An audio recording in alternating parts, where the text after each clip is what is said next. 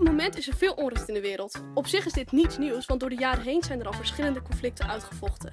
Nederland staat dicht bij de hedendaagse conflicten. De media berichten daarom ook veel over. Ik vroeg me af of deze berichtgeving wel te vertrouwen is.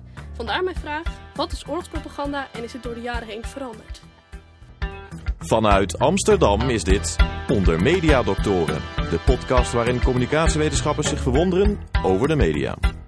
Welkom bij Onder Media Doctoren. We zijn een tijdje op vakantie geweest, maar we zijn weer terug. En vandaag gaan we het hebben over oorlogspropaganda. We zijn aan tafel met dokter Linda Duits, dokter Vincent Kronen en emeritus hoogleraar Cees Hamelink. Internationale communicatie eh, doseerde hij aan de Universiteit van Amsterdam. En we gaan het dus hebben over eh, oorlogspropaganda.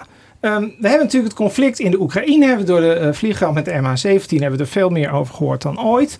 Um, er is natuurlijk een opkomst van, ISIS in Syrië en Irak. Er zijn Nederlandse F-16's naartoe. En dus is de vraag, um, met al deze oorlogshandelingen of conflicten in de wereld... kunnen we alle informatie die we daarover krijgen, kunnen we die eigenlijk wel vertrouwen? Dat is een beetje de vraag waar het zo al vandaag over gaat. Vincent, wat is dat eigenlijk, oorlogspropaganda? Volgens mij is oorlogspropaganda hetgeen wat altijd de ander doet. Zelf breng je waarachtige informatie en de ander wordt dan beschuldigd dat ze oorlogspropaganda drijven. Dus een foute voorstelling van zaken waarbij de andere partij dat moet corrigeren. Van oorsprong heeft propaganda natuurlijk een hele andere betekenis gehad. We hebben geloof ik nog steeds een, een vereniging voor de propaganda van het Nederlandse boek. Maar zoals het in het nu het woord wordt gebruikt, is het altijd een beschuldiging naar de andere toe dat ze foute informatie naar voren brengen. Uh, Cees, ben je het daarmee eens? Nee, niet helemaal. Kijk, het woord propaganda is ooit bedacht door een 17e-eeuwse paus. Uh, als woord voor de verspreiding van het uh, geloof naar de nieuwe landen, hè, wat tegenwoordig Latijns-Amerika heet. En die paus had het eigenlijk heel goed begrepen. begrepen. Propaganda is niets anders dan het verspreiden van een wereldvisie van een geloof. En je hebt er zover gelijk dat uh, men daar niet altijd vooruit wil komen. Maar er zijn altijd partijen die er wel vooruit willen komen. Tijdens de allerbelangrijkste propagandaoorlog van de vorige eeuw, de Koude Oorlog, tussen de Sovjet-Unie en de Verenigde Staten, was de KGB er heel duidelijk in. Die hadden een officieel kantoor voor desinformatie. En die schaamden zich daar ook helemaal niet voor. Die gaven dat gewoon toe. En je zou ook kunnen zeggen dat meer recent in de oorlogen tegen Irak en Afghanistan veel van de Amerikaanse propaganda gedaan is door John W. Randon. En die komt er heel erg eerlijk vooruit dat hij een perception manager is, dat hij een informatiestrijder is en dat hij informatie vertekent omdat zijn baas dat graag wil. Staat dat, uh, objectieve informatie? Of is het, is het mogelijk om te denken dat er een zijde in een conflict niet aan propaganda doet? Nee, dat doen we altijd allemaal. En daar zijn ook hele uh, goede redenen voor aan, voor aan te geven vaak. En je moet dus af van de gedachte dat het zoiets zou zijn als werkelijke betrouwbare en werkelijk objectieve informatie. Wat je hooguit kunt krijgen is een heleboel verschillende soorten informatie van een heleboel verschillende perspectieven. En als je die allemaal tot je neemt, je hebt daar voldoende tijd en energie voor en je wordt er niet krankzinnig voor, van, hè, dan roer je een beetje in dat potje en dan krijg je iets wat op intersubjectiviteit lijkt. Dat betekent dat de grootste gemene delen van wat al die verschillende partijen zeggen. Maar het zoeken naar waarachtige informatie is eigenlijk ook onder de diersoort die wij zijn niet goed denkbaar. Want wij zijn nu eenmaal vreselijke leugenaars. En wij liegen dat verbarsten. We doen per dag. Ik heb laatst in een onderzoek, dat vond ik wel erg grappig gelezen. Nederlanders liegen ongeveer 12 keer per dag. En wat geruststellend is, dat Duitsers 18 keer per dag liegen. Nou, dat is dan heel mooi. Met mooi die propaganda van de Duitsers. Ja. ja. Yeah. What is it good for? Absolutely nothing. Uh-huh.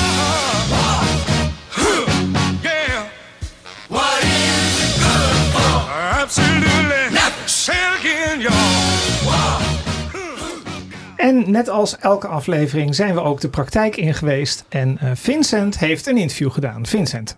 Ik heb gesproken met uh, Olaf Koens. Olaf uh, is correspondent voor RTL en voor de Volkskrant in Rusland. Uh, en komt natuurlijk de laatste paar maanden ook veel in Oekraïne. En ik heb hem gevraagd naar...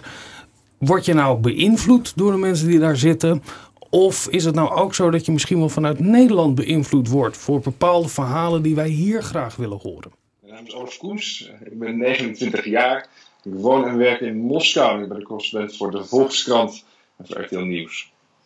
Olaf, um, als correspondent ben je afhankelijk natuurlijk van allemaal verschillende bronnen waar jij je verhaal op uh, moet baseren. Ja.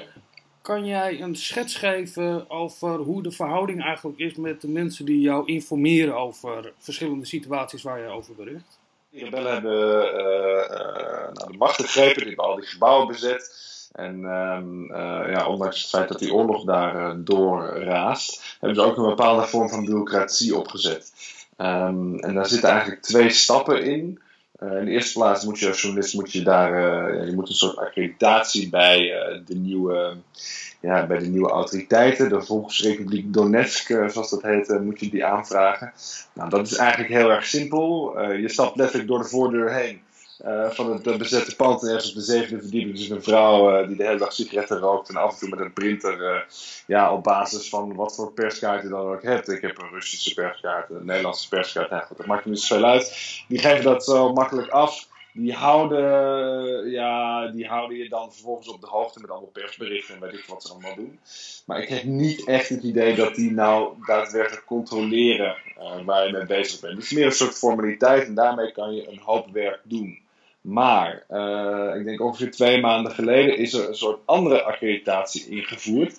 En dat is de oorlogsaccreditatie. Dus wanneer je in de buurt komt van gebieden waar geschoten wordt, uh, ja, daar is het Russisch een term voor. Um, in gebieden waar echt uh, het conflict woedt, laat ik het zo zeggen. Dan heb je een andere accreditatie nodig. Die is van het ministerie van Defensie van de Volksrepubliek Donetsk. En daar is heel veel te doen over geweest. Aanvankelijk moest je eerst vijf dagen je paspoort inleveren. Nou, dat doe je dus niet in, in, een, in zo'n gebied. Nou, uh, ook dat bleek uh, niet waar. Uh, ja, dat is een accreditatie waar je dus vrij lang op moet wachten. Ehm, maar die heb ik uiteindelijk ook gekregen. Ja, en daar trekken ze je wel na.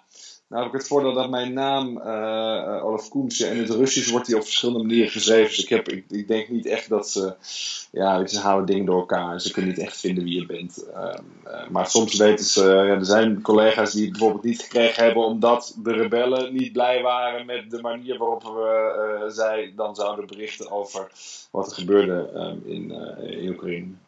En is het zo dat als je eenmaal die accreditatie hebt, uh, dat zie je ook nog blijven volgen, denk je, over wat je dan uiteindelijk bericht over het uh, conflict? Nou, dus die rebellen specifiek, ja, die proberen dat in de gaten te houden, maar dat, ja, dat gebeurt allemaal niet zo professioneel. Het is natuurlijk een, een beetje een, het zijn allemaal, het is allemaal erg houtje touwtje werk. dan heb ik het voordeel dat ik in het Nederlands schrijf. Uh, dat de Volkskrant ook nog grotendeels achter een paywall zit. En dat je toch echt wel uh, heel veel moeite moet doen voordat je een item op RTL kan terugkijken, wat ik, wat ik heb gemaakt. Ik denk dat ze, houden je een beetje in de gaten op, op social media waarschijnlijk. Maar ook daar schrijf ik meestal in het Nederlands, dus dat is al vrij lastig. Um, dus ja, ze, doen het wel, maar dat gaat allemaal niet professioneel. En um, ja, ik, ik, maak me daar, ik probeer me daar niet al te veel zorgen over te maken. En wordt er op een andere manier druk op jou uitgeoefend daar om op een bepaalde manier te berichten? Of word je beperkt in de bewegingsvrijheid die je daar hebt? Ja, je wordt natuurlijk beperkt in, in je bewegingsvrijheid. Uh, in eerste plaats heel bazaal, uh, omdat het op sommige punten veel te gevaarlijk is. Um, ja, je hebt te maken met een veelvoud aan checkpoints overal. Dat hangt maar heel erg af van de stemming van een, van een commandant of van een rebel aan zo'n checkpoint, of je ergens door mag of niet. Um, ja, het is heel moeilijk om, bepaalde gegevens of bepaalde feiten te controleren. Wat wel bijzonder is aan, aan dit conflict in Oekraïne, is dat je, um, je kan eigenlijk aan beide kanten werken. Uh, en dat is best wel uniek in, in, in oorlogssituaties. Je kan bij spreken s ochtends bij de rebellen beginnen, dan in de loop van de middag is even bij het Oekraïnse leger kijken en later weer terugkomen bij de rebellen. En um, dus hebben we soms ook, uh, wanneer er een bepaalde, dat is al maanden geleden, maar werd er een buitenwijk van Donetsk beschoten. Dat was in de tijd dat het Oekraïnse leger nog zei van ja, wij, wij, wij, wij, beschieten überhaupt niet, wij, wij, wij schieten niet met raketten. Um, ja, dan, op een gegeven moment zaten we met collega's, we waren daar geweest, die schade gezien, dan kan je gewoon op een kaart, kan je kijken van goh, uh, als op deze punten die raketten zijn ingeslagen, waar zijn ze dan vandaan afgevuurd? Nou, we weten ongeveer wat voor raketten dat zijn, want er lagen een paar ongeëxplodeerde raketten tussen. Dan kun je uitzoeken hoe ver die ongeveer vliegen. Daar zijn bepaalde standaarden voor. Dan hebben we gewoon op een kaart zitten kijken van, nou, dan zal die Oekraïnse legerpositie wel ergens daar zitten. Dan zijn we de volgende dag in een auto gaan zitten, daar naartoe gereden, in dat gebied rondgereden. En ja, verdomd dat het niet waar is, dan kom je inderdaad van een Oekraïnse legerpositie tegen met een uh, raketinstallatie. Er zijn ook belangen in Nederland. Kijk, het is natuurlijk een strijd over belangen en een, het, het creëren van een waarheid. Ehm, die zullen er ook zijn bij RTL, bij de Volkskrant. Ja, eh, god, belangen zijn er niet. Ehm, eh, ik zou niet zien wat het belang kan zijn van. van, van, van eh, nee, er is. ehm, Maar word jij geïnformeerd vanuit het, vanuit het ministerie in Nederland over de situatie daar bijvoorbeeld? nee. Sterker nog, de, de dag van die. ehm, ehm, dat, dat is echt een mythe. Men, mensen, iedereen denkt altijd dat, dat, dat het ministerie van Buitenlandse Zaken, dat, dat de diplomatieke dienst heel erg goed geïnformeerd is. Ja. Dat is echt nonsens. Die mensen weten helemaal niks. Die mensen, zeker hier in Moskou, waar alles wat men weet over Rusland, is wat ze eh, eh, so- 's ochtends lezen wanneer ze de Telegraaf, de Volkskrant en het en het Handelsblad hebben gedownload. Eh, ehm, eh, die mensen gaan echt niet zelf op pad en hebben eh, aan diplomatieke bronnen heel weinig aan informatie. Ehm, zeker omtrent de MH17 werden we dus totaal niet geïnformeerd door ehm, eh, Buitenlandse Zaken. Sterker nog, ik werd gebeld door Buitenlandse Zaken. Goh, Olaf, hallo, je spreekt met die en die uit Den Haag, daar en daar. Eh, hoe is het daar? Kun je me vertellen wat, wat daar gebeurt? Eh, en toen dacht ik van ja, dit is natuurlijk ook de wereld op zijn kop. Ehm, eh, dus nee, nee we worden aan die kant worden we niet ehm, eh, gestuurd, zelfs niet geholpen. Kan je zelfs vertellen dat er geen, ehm, geen gezellige informele etentjes zijn waarbij we de laatste stand van diplomatieke zaken oprakelen. Het het is best wel. Het is best wel eenzaam hier, wat dat betreft. Ehm, Ja, want de vraag die wij proberen te beantwoorden, gaat over propaganda. En propaganda vergt enige vorm van organisatie. Hè, om, om journalisten eh, te informeren of, of in ieder geval verhaal naar het publiek te vertellen. ja. Wat ik bij jou beluister is dat die organisatiegraad eigenlijk bij alle betrokken partijen vrij laag is. Is er zoiets als een, eh, een, een organisatie die jouw rol probeert te beïnvloeden of te sturen? Ehm, kijk, eh, de, dus, dus eh, als we het over Nederland hebben, nee, absoluut niet. Nee, ik, maar ik mag eh, voor, voor, voor, voor RTL, natuurlijk ook voor de Volkskrant, mag ik absoluut de verhalen maken die, die, die ik wil maken. En die komen in die kranten staan zoals ik ze opschrijf. Ehm, en er heeft nog nooit een, eh, een, een, een, een redacteur of een chef of een hoofdredacteur tussen gezeten die zei van nou Olaf, ik mag je wel wat harder aanzetten of dit klopt niet of je weet toch wel wie de schuldige is en dat soort dingen. Eh, dat, dat gebeurt niet, godzijdank. En als je naar, eh, want jij maakt natuurlijk veel gebruik ook van de Russische media hè, om je Ja. te informeren. Daarin zie je, dat gaf je gisteren ook aan, hè, er zijn maar nog maar een paar voorbeelden kranten die onafhankelijk kunnen eh, opereren. Ja. Zie je een ontwikkeling in de manier hoe vanuit Rusland eh, eigenlijk de media worden aangestuurd en daarmee een Russische propaganda wordt gedreven? Nou kijk, eh, eh, er is in, in, in dit conflict komt de propaganda van twee kanten. Ehm, eh, van Russische kant en van de Oekraïnse kant. Ehm, en eh, het een is, is een reactie op het ander. Ehm, de Oekraïnse journalistiek deed het relatief gezien, eh, als je het verhoudt tot de Russische journalistiek, helemaal zo slecht nog niet tot dit conflict. Ehm, maar die zijn een soort eh, contra-propaganda eh, hebben die gelanceerd, die natuurlijk geen haar beter is dan, dan de Russische propaganda. Ja, het is, om, het, het is misselijkmakend. Eh, er was. Altijd is in Rusland, eh, heeft de media onder druk gestaan. Er zijn altijd problemen geweest. Er zijn tientallen journalisten om het leven gekomen, vermoord. Ehm, eh, de televisie staat 99% onder, onder strakke regie van, eh, van het Kremlin. Ehm, en daar zat een soort, daar heeft de afgelopen jaren een soort opening in gezeten, online. Je zag heel veel online initiatieven, heel veel grote media eh, uitgevers die eh, internetredacties hebben waar meer dan 100 man werken. Heel goed onderzoeksjournalistiek ook eh, te werk gaan. ehm, eh, echt goed de vinger aan de pols hebben. Ja, en die worden langzaam maar zeker er ook uitgedraaid op dit moment. Eh, dus de duimschroeven worden harder aangedraaid. De propagandaoorlog leidt veel harder op. En ja, de, de laatste restjes onafhankelijke media doen hun best te overleven. Maar dat wordt steeds moeilijker. Olaf, ontzettend bedankt voor je, voor je woorden. Ik ga hier een mooie compilatie van maken van je verhaal. Maar het is mij heel erg helder wat je vertelt. Dat was het interview met Olaf Koens. Uh, Linda, wat is je daaraan opgevallen? Nou, het was natuurlijk heel grappig dat Olaf moest lachen uh, op de vraag of, um, uh, of hij op de hoogte wordt gehouden door het ministerie. En dat hij zei dat er geen belangen zijn. En dat frappeerde me, omdat ik dat niet geloof. En, natuurlijk zijn er belangen. Zijn enorme handelsbelangen bijvoorbeeld. En dat, dat kan je niet ontkennen. En ik kan me ja, misschien is dat dan mijn eigen uh, wantrouwende instelling. Uh, maar ik denk dat dat, dat dat toch een rol speelt. En ik vroeg me af, hoe weet je nou dat er niks verborgen is gehouden? Hoe weet je nou dat je uh, alles ziet? Dus ik, ik, heb, ik had nog wel wat vragen. C schudden nee. Nee, dat weet je dus gewoon niet. Het grote probleem van journalistiek bedrijven en dat soort ingewikkelde situaties is dat je natuurlijk toegang moet hebben tot bronnen.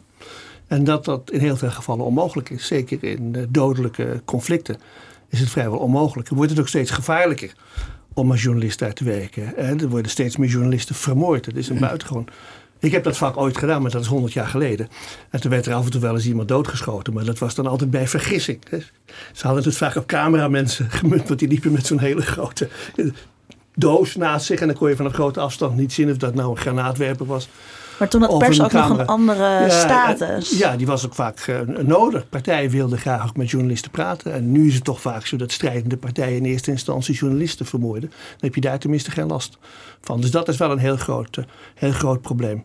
Na de Tweede Wereldoorlog uh, en met de opkomst eigenlijk van de sociale wetenschappen of de communicatiewetenschappen was er een soort vraag over wat daar gebeurd is met Goebbels. En, en, en daar moeten we begrijpen hoe het werkt. Um, u heeft decennia lang eigenlijk rondom deze vraag gewerkt. Ja. Waarin, wat weten we nu meer, 60, 70 jaar na die gebeurtenissen, over hoe propaganda werkt dan wat we dat net na de Tweede Wereldoorlog wisten? We zijn ontzettend veel, of we, degene die propaganda bedrijven, zijn ontzettend veel slimmer geworden. En dat is ook wat mij fascineert in deze vorm van communicatie. De spin doctors, de perception managers, zijn niet te onderschatten psychologen. Zoals die John W. Randon, die die campagne, die, dat was de man die organiseerde dat, dat standbeeld. Weet je dat nog? Dat standbeeld van Saddam Hussein, dat werd omvergetrokken. Dat had hij georganiseerd. Dat vind ik zo het is, het is perfide, maar het is zo knap. Dat, dat, vind ik dan toch psychologisch inzicht. Dus wat er veranderd is, we hebben veel meer psychologisch inzicht. En dat leidt ertoe dat er veel meer gebruik wordt gemaakt van wat je zou kunnen noemen grijze propaganda. Kijk, Goebbels loog gewoon over alles. En de leugens waren misschien overtuigend voor een heleboel mensen, maar na verloop van tijd houd je dat niet vol. Je kunt niet eindeloos vreselijk blijven liegen. Want mensen kijken uit hun raam naar buiten en zeggen dat klopt helemaal niet. Uh, dus je moet proberen een vorm van propaganda te bedenken waarbij er een deel waar is, dat je dat kunt checken, en een deel is niet waar. En die vervlechting, die is veel effectiever geworden. Een van de uh, punten met de opkomst van uh, digitale media was dat eigenlijk propaganda misschien helemaal niet meer mogelijk was, want wij konden ons breed informeren toch zie je dat daar nog steeds hele belangrijke bronnen zijn. En ik, ik vroeg Olaf uh, Koens dezezelfde vraag. Ik zeg, hoe werkt het dan binnen de Russische media? En hij zei van ja, het is eigenlijk heel erg te vergelijken met ons verzeilde systeem vroeger. Je hebt al bepaalde overtuigingen en daar zoek je de bronnen bij die je daarbij nodig hebt. Dus meer informatie of, of, of meer uh, uh, gedifferentieerd aanbod maakt uiteindelijk niet uit. Hoe denkt u daarover? Nee, dat doet natuurlijk de lezer ook. Kijk, je abonneert je op je eigen mening als je een abonnement op een krant neemt dat, die wil je graag bevestigd uh, horen. Uh, en je kunt natuurlijk wel proberen om, zeker in een digitaal tijdperk, waar heel veel informatie beschikbaar is, dat allemaal tot je te nemen. Maar je verkeert dan wel binnen de kortste keren op de rand van krankzinnigheid.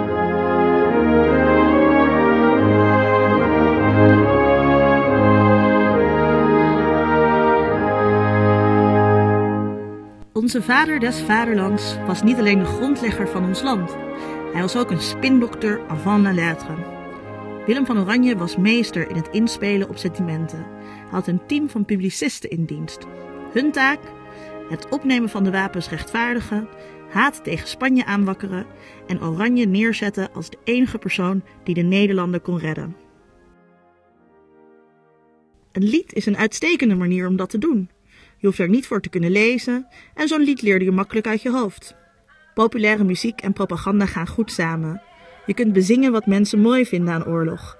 Spanning, avontuur en een held die voor het vaderland strijdt.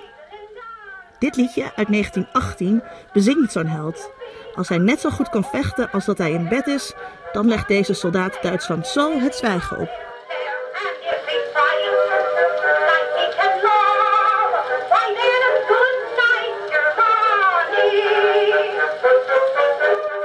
Overheden bleven muziek graag inzetten in hun propagandamachine. In 1966 bezong deze Sergeant Barry Sadler nog de eer van het Amerikaanse leger. These are men, America's best. 100 men will test today, but only three win the Green Beret. Trained to live. Maar de tijden veranderden. Want in datzelfde jaar hoorden we. Eastern world, it is exploding, violence flaring, bullets loading. You're old enough to kill, but not for voting. You don't believe in war, but what's that gun you're toting? And even the Jordan River has bodies floating, but you tell me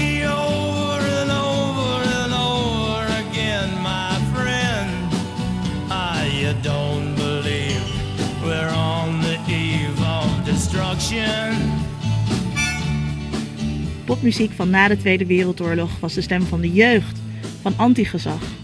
Overheden vonden andere vormen van populaire cultuur, zoals games en speelgoed.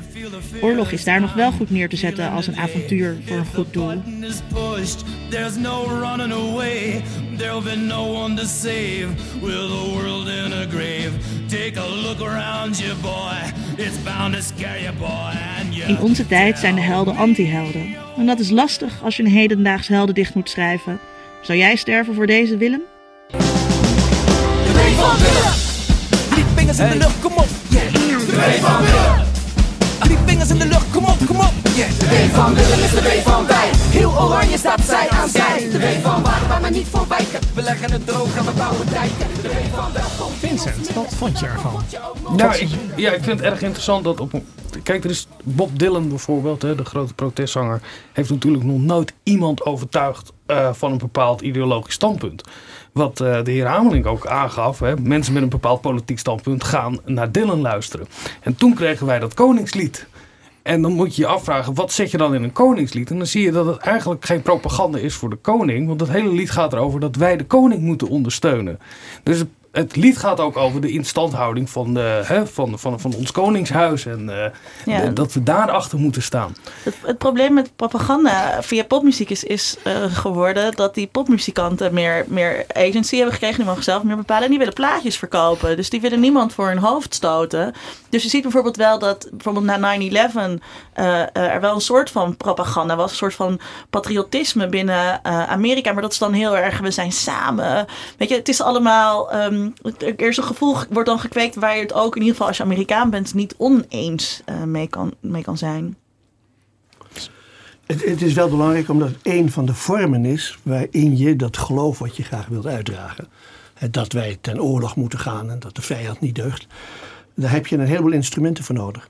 Omdat we ook weten, dat weten we heel nadrukkelijk van de nazi-propaganda. Het werkt alleen maar werkelijk als het alomtegenwoordig is. Je moet er niet aan kunnen ontsnappen. Het moet altijd overal zijn.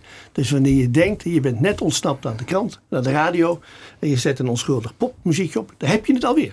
En dat draagt er allemaal toe bij dat wij na verloop van tijd allemaal gaan geloven. Ja, het is toch wel heel rechtvaardig. Dat we op de vijand eh, afgaan. Dat we ook weten wie die vijand is. Dat we ook weten hoezeer die niet deugt. En dan pas gaat het werken. Want het probleem van propaganda is natuurlijk eigenlijk altijd geweest. Dat leiders bedenken dat er oorlog gevoerd moet worden. En de meeste mensen willen dat niet. Dat is een groot probleem voor politieke leiders. Dat de meeste gewone mensen, dat zei Herman Geuring ook tijdens het Nuremberg-tribunaal. Ons grote probleem was dat de meeste Duitsers helemaal niet mee wilden doen. En daar hadden we propaganda voor nodig. En dat deden we zo knap. We spraken ze aan op allerlei sentimenten en emoties. En toen gingen ze wel meedoen. Zou dat dan misschien ook zijn waarom eh, eh, Olaf Koens vrij zijn werk kan doen? Omdat de Nederlandse regering eigenlijk helemaal geen oorlog wil voeren met Rusland. En wel bijvoorbeeld met ISIS. Ja, nee, kijk, op het moment dat wij zelf oorlog gaan voeren, dan wordt het anders. Dan staan de grote belangen op het spel. En dan zie je ook heel vaak dat journalisten toch eigenlijk eh, aan de leiband van propagandisten gaan, gaan lopen. En dat is ook wel een beetje begrijpelijk als je eigen land, zeker als het aangevallen wordt, dan krijg je een sterk eh, vaderlandslievend gevoel. America, America, America, fuck yeah, coming again to save the motherfucking day, yeah, America, fuck yeah, freedom is the only way, yeah, terrorists, your game is through, 'cause now you have En daarmee komen we aan het einde van deze ondermediadoctoren. En dan gaan we terug naar de vraag van onze student. Wat is oorlogspropaganda en is dat door de jaren heen veranderd, Vincent? Nou, ik denk inderdaad dat het... Het is uiteraard veranderd omdat de media zelf zijn veranderd. Ik vond het mooie woorden dat we aan de ene kant een ideaal kunnen hebben van geïnformeerd burgerschap. Maar echt geïnformeerd, totaal geïnformeerd burgerschap, dan krijg je echt hele krankzinnige mensen van als je dat wil bereiken.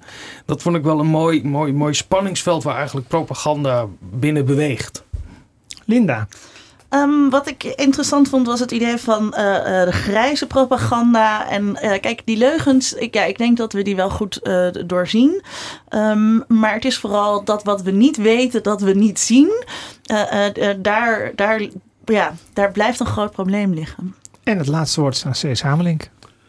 Waarin we beter zijn geworden, is dat niet alleen dat gebruik van die grijze propaganda, maar we zijn ook beter geworden in het gebruik van oerbeelden. We hebben begrepen dat je mensen alleen zover kunt krijgen dat ze andere mensen zeg maar, naar het leven willen staan, wanneer je een oerbeeld gebruikt, waarmee hele diepe emoties worden aangesproken. Baby's bijvoorbeeld. Je moet iets zeggen over dat de vijand wat met baby's doet. Of met onschuldige dieren. Je moet kunnen aantonen dat vogels eh, het slachtoffer worden van een oil spill. Zoals dat in de Iraakse oorlog gebeurde. Dat was overigens niet de olie van Saddam Hussein. Die vogels woonden ook niet in de golfoor, golfstreek. Die woonden heel ergens anders. Maar dat is wel knap. Dat is nou grijze propaganda. En dat is eigenlijk het allersterkste. Je gebruikt een verhaal wat op zichzelf klopt. Hè. Er waren in Alaska was een eh, olieprobleem geweest met vogels. Dat was waar. Je plaatst het in een ander deel van de wereld. En die Saddam Hussein deugde sowieso niet. Dus die kon je van alles in de schoenen schuiven. Nou, dat is heel mooi. En dus bovendien spreek je dan ook nog mensen aan met zo'n... Ach, nou is hij niet alleen maar gewoon een dictator... maar ook nog een milieuterrorist. Hij doet tegen dieren. Dit was Onder Mediadoctoren. Tot de volgende keer. Onder Mediadoktoren is een podcast van Chris Alberts, Vincent Kronen en Linda Duits. Meer informatie vindt u op ondermediadoktoren.nl.